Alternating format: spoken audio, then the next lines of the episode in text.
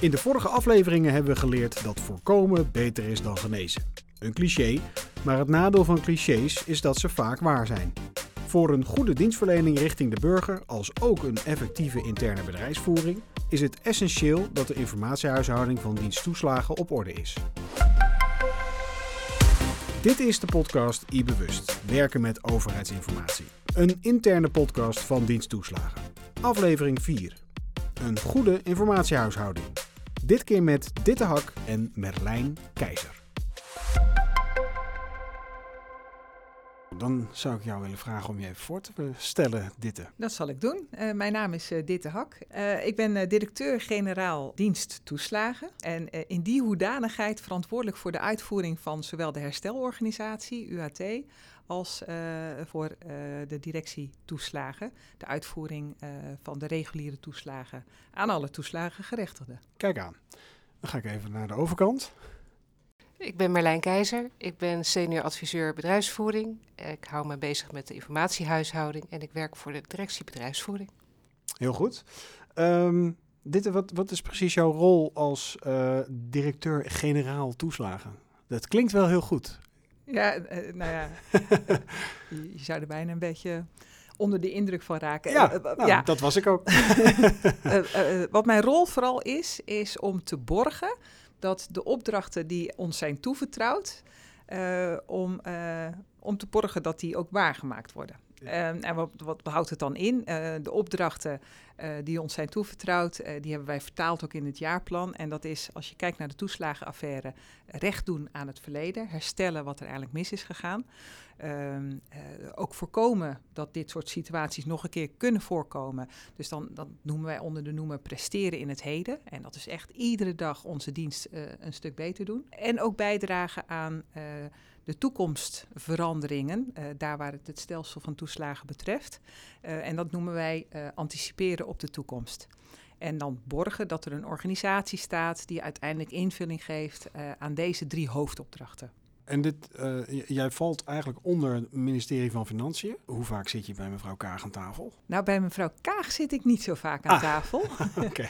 uh, ik denk dat het de afgelopen anderhalf jaar misschien twee, drie, drie keer is gebeurd. Maar wel met corona. Uh, ik zit wel wekelijks aan tafel met de staatssecretaris die opgesteld staat voor zowel douane als toeslagen. Mm -hmm. met Aukje de Vries. Oké, okay. en daar rap rapporteer jij dan ook aan? Of? Ja, dus dat is zeg maar mijn politieke opdrachtgever. Uh, daarnaast hebben we ook opdrachtgevers die verantwoordelijk zijn voor de toeslagen waar wij uitvoering aan geven. En dat is in de personen van, of in de departementen van de binnenlandse zaken, als je het hebt over de huurtoeslag, uh, sociale zaken en werkgelegenheid, als je het hebt over uh, kindgebonden budget en de kinderopvangtoeslag. En VWS voor de zorgtoeslag. En daarnaast hebben we ook binnen ons eigen departement nog een opdrachtgever. Dat is de DG Fiscale Zaken. Want die stelt de wet op waarin zeg maar, de toeslagen uh, bij elkaar komen en waar we uitvoering geven aan de toeslagen. Dus uh, dat zijn mijn opdrachtgevers. Dus in die zin, uh, daar, leg ik ook, daar leggen wij met elkaar ook verantwoording aan af. En dan heb ik ook nog gewoon een, een baas, zoals de meeste mensen ook een leidinggevende hebben. En dat is de secretaris-generaal, Bas van der Dungen. Dus, dus een beetje in die hoedanigheden moet je het zien. Ja, oké. Okay. Ja. Merlijn, wat, waar hou jij je dan dagelijks mee bezig? Um, nou, met de informatiehuishouding in uh, nou ja, best wel brede zin, denk ik. Want we hebben als organisatie, uh, denk ik, nog best wat uh, te doen op dat, op dat gebied. Wat, wat kun jij, zou je kunnen uitleggen wat we bedoelen met een goede informatiehuishouding en met het juiste werken met overheidsinformatie? Als je een goede informatiehuishouding hebt als organisatie, eigenlijk is het vrij bazaal, dan kan je je informatie goed vinden. Dat is het allerbelangrijkste. Ja. Dan weet je waar je wat voor soort informatie bewaart. Uh, en kan je makkelijk vragen beantwoorden uh, van zowel de politiek als van burgers, als uh, nou ja, informatie delen met collega's. Ja. Want dat is natuurlijk net zo belangrijk dat wij onze, uh, datgene wat je nodig hebt om je werk te kunnen doen, dat je dat makkelijk kan vinden. Dan ga ik even terug, uh, dit naar jou. Voor, voor welke opgave uh, sta jij als we het hebben over informatiehuishouding? Wij zijn een data-gedreven organisatie, dus er gaat heel veel gegevens en informatie door al onze processen. Ehm, uiteindelijk, zeg maar, al die gegevens, die bepalen aan wie we geld uitkeren. En in totaal is dat op dit, dit jaar zo'n 20 miljard. Dus de waarde van die, die gegevens en uiteindelijk het uitkeren zeg maar, van die bedragen, dat, uh, dat is de kern van, van wat wij doen. Um, dus wat is mijn taak, wat is heel erg van belang, is enerzijds de veiligheid zeg maar, van die data, want die mogen dus niet verkeerd gebruikt worden. Of, dus dat is een heel belangrijk accent. Uh, het tweede is ook uh, de transparantie, uh, dus, dus, de verantwoording kunnen afleggen, de onderbouwing. en en dat, dat is heel erg belangrijk om het terug te kunnen vinden. En dus dat wij ook zeg maar, kunnen verklaren waarom we wat hebben gedaan met de data en waarom dat heeft geleid tot bijvoorbeeld het uitkeren van een toeslag. In 2024 uh, bereikt hebben als het gaat om informatiehuishouding? Nou, ik, ik, denk, denk, dat wij een hele grote opgave hebben met de informatiehuishouding. Dus als je echt kijkt, idealiter, uh, hoe zou je het ingericht willen hebben? Dan zeg ik wel eens, het, onze processen inrichten dat zeg maar de veiligheid van de data en het, het, het, opbergen van onze data, dat het bij design is gedaan. Hè. Daar staan wij absoluut nog niet. Nee. dus dat zou echt een totale herinrichting van onze processen zijn.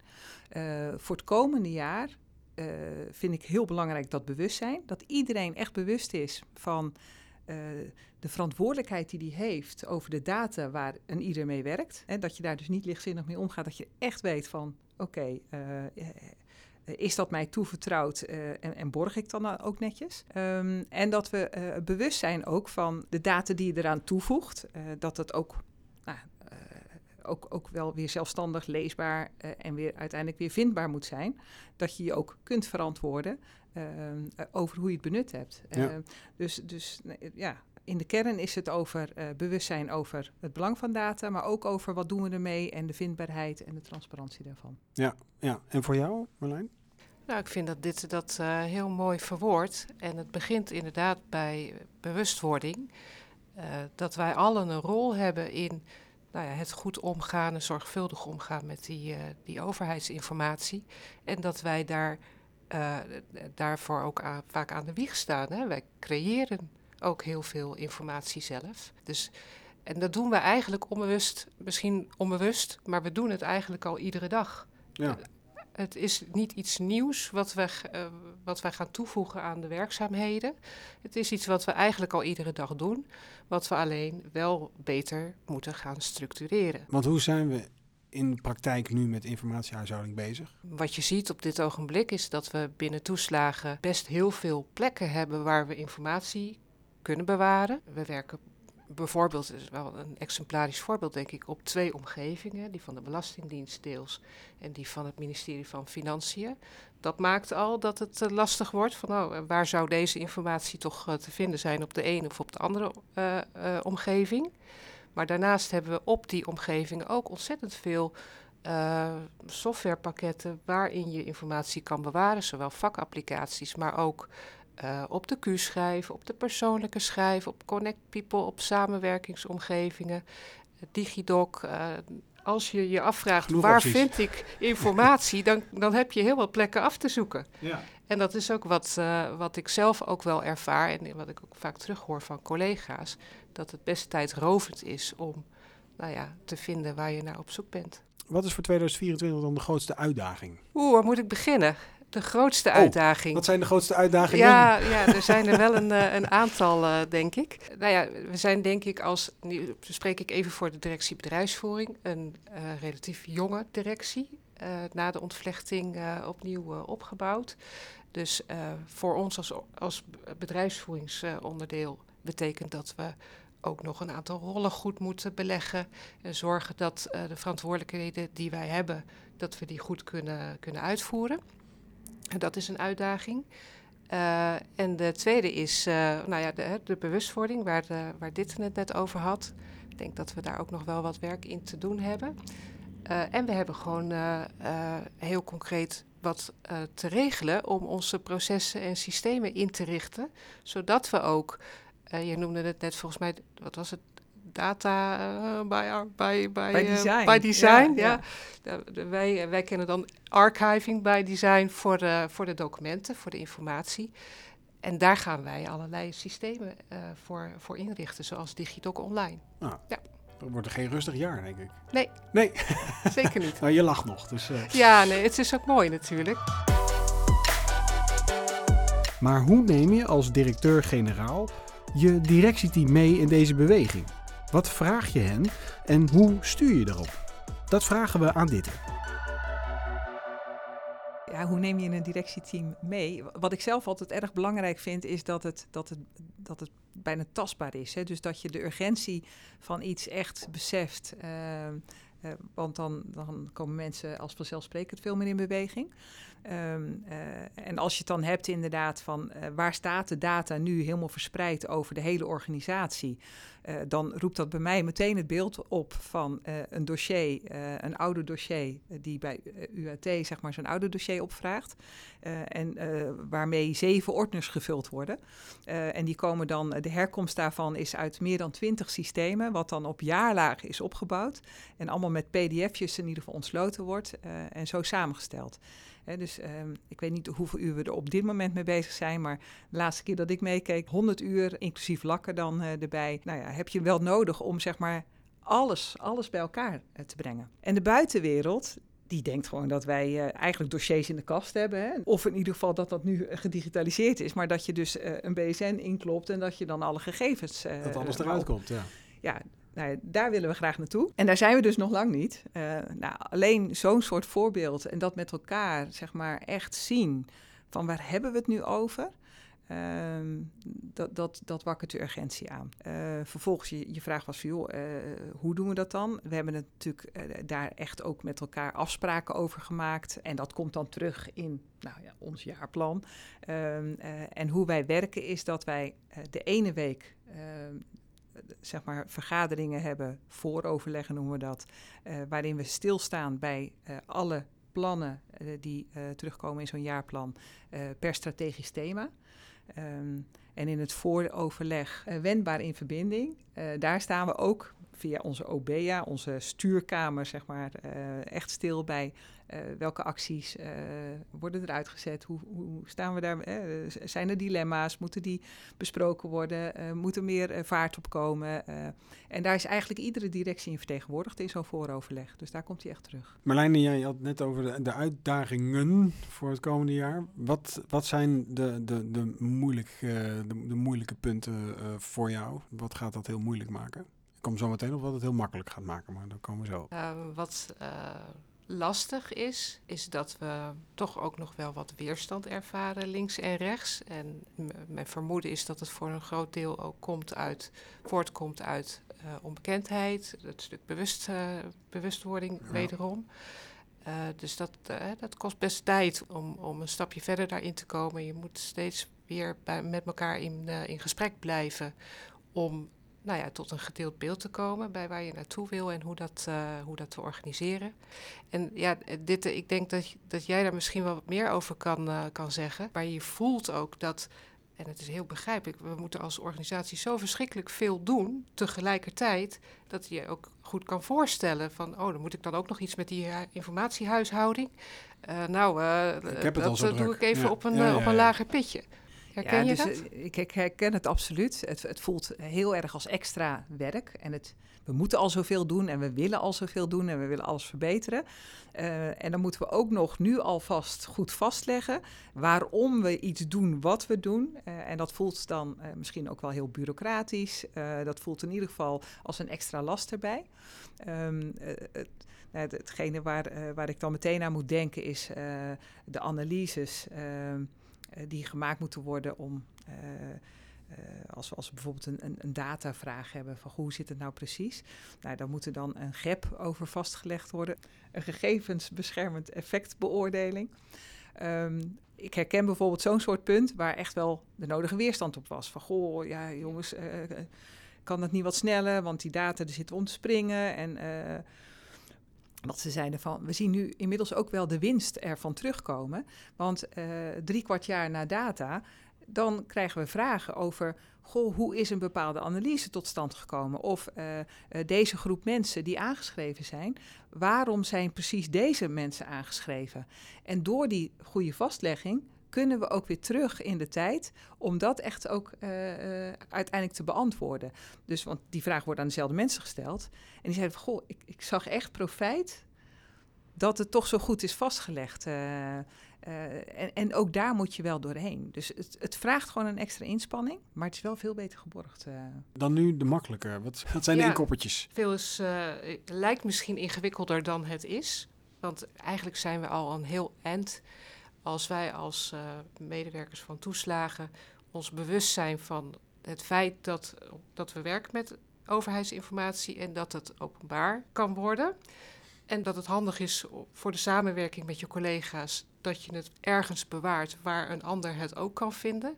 Met een logische naam voor het document en het mapje waarin je het opslaat. Waar je het dan ook opslaat hè, in al die uh, applicaties die we hebben. En als we dat alleen al zouden doen, dan uh, maken we al een hele mooie stap. En dat is iets waar, waar, iedereen vandaag al mee uit de voeten zou kunnen. Wat gebeurt er als we het niet op de rit gaan krijgen? Nou ja, dan verandert er niet veel ten opzichte van nu. Oké. Dan, uh, ja, en wat betekent dat? Dat betekent dat we niet voldoen aan een aantal uh, wetten, zoals de archiefwet, zoals de wet open overheid. En daar wordt natuurlijk wel goed naar gekeken of wij als toeslagers, er wordt bijzonder goed naar ons gekeken, denk ik, of wij ons daaraan houden. Ik zie dit te knikken. Ja, nee, dat klopt. Dus uh, werkelijk, uh, alles ligt, uh, is, is transparant en dat is ook goed. maar werkelijk, ieder detail wordt ook wel gevolgd hè, van de voortgang die wij maken op vraagstukken. dus een van de oorzaken van de toeslagenaffaire is ook hè, dat de informatiehuishouding niet goed op orde was en deels ook nog steeds is. Dus dan moet je daar ook lering uit trekken. Dat, dat, hè, dus die verantwoordelijkheid nemen wij, hebben we echt op onze schouders genomen. Om te voorkomen dat het ooit nog een keer kan gebeuren. Nou, dan is dit een heel belangrijk aspect in. Dat we in ieder geval ons heel goed nou, weten wat we doen. En dat we ons daar ook op kunnen verantwoorden. Dat we dat vastleggen. Dat we dat transparant kunnen maken. En hoe ver staan we met de projecten die nu nog lopen? En wat zijn de projecten die nu nog lopen? Oh, er zijn er best heel veel. Uh, er is een heel uh, programma, het programma Informatie Huishouding op orde, uh, of open op orde moet ik zelfs zeggen, dat nou, een veelheid aan werkpakketten zoveel mogelijk in samenhang met elkaar probeert te organiseren, of organiseert. Het is te veel om op te noemen, maar um, verder gaan we DigiDoc Online uitrollen om de beleids- en ondersteunende processen verder vorm te geven. Volgens mij zijn we bezig met het uh, onderzoeken of we Rijkstok kunnen inzetten voor uh, bepaalde processen bij UHT. Um, Microsoft 365 wordt uitgerold in de loop van nou, de komende jaren. Er zijn verschillende aanbestedingen op het gebied van informatiehuishouding. Genoeg kan dus. ik nog doorgaan? ja, nee, Moet ja, ik nog doorgaan? Maar um, wanneer gaan medewerkers er dan echt wat van, van, van merken? Of is dat echt een soort organisch traject wat eigenlijk door het hele jaar heen Nou, uh, beide.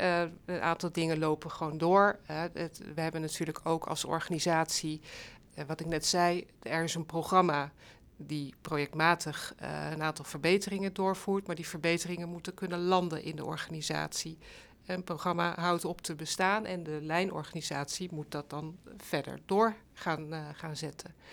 Uh, dus dat is een belangrijke. Dus zorgen dat hetgeen wat opgeleverd is structureel geborgd wordt. En wij blijven daar dus met z'n allen altijd aandacht aan, aan besteden. Ehm, maar er zijn ook gewoon projecten die gaan gewoon van start volgend jaar. Zoals DigiDoc Online, ik noem hem maar eventjes. Uh, en daar gaan mensen wat van merken. Want uh, dat, dat, dat worden nieuwe mensen die nu nog geen gebruik maken van die applicatie. Die gaan daar dan wel gebruik van maken. Um, en de mensen die er al gebruik van maken, die krijgen een mooie nieuwe online variant. Heel goed. Um, wat willen jullie allebei nog aan de collega's meegeven? Tot slot. Er is nog veel te doen. Uh, we hebben daar met z'n allen een rol in. Het is heel erg belangrijk en tegelijkertijd uh, wees ook niet te bang om het fout te doen. Uh, ik denk dat we, wat ik eerder zei, als je bewust bent van je verantwoordelijkheid als uh, overheidsmedewerker binnen de informatiehuishouding en je steeds even stilstaat bij wat je doet met de informatie, dan ben je al een heel eind Ja, ik vind het inderdaad heel mooi uh, aangegeven. Uh, het, is, het is een weg, eigenlijk een bewustwordingsweg die je met elkaar moet bewandelen. Waarbij we ook iedere keer oog en aandacht moeten hebben voor en hoe kan het handiger, hoe kan het beter. Uh, dus de weg die we nu inslaan, over een jaar is er misschien al wel weer veel meer mogelijk. Dus we nodigen werkelijk iedereen uit om te kijken van denk mee, wees je vooral bewust van je eigen verantwoordelijkheid erin. Dit was iBewust, werken met overheidsinformatie. Een interne podcast van Diensttoeslagen. Vraag jij je collega's even of zij al naar deze podcastserie hebben geluisterd? Hoe meer luisteraars, hoe beter iedereen is ingelicht over alle belangrijke zaken die spelen rond informatiehuishouding binnen de overheid. Graag tot de volgende keer.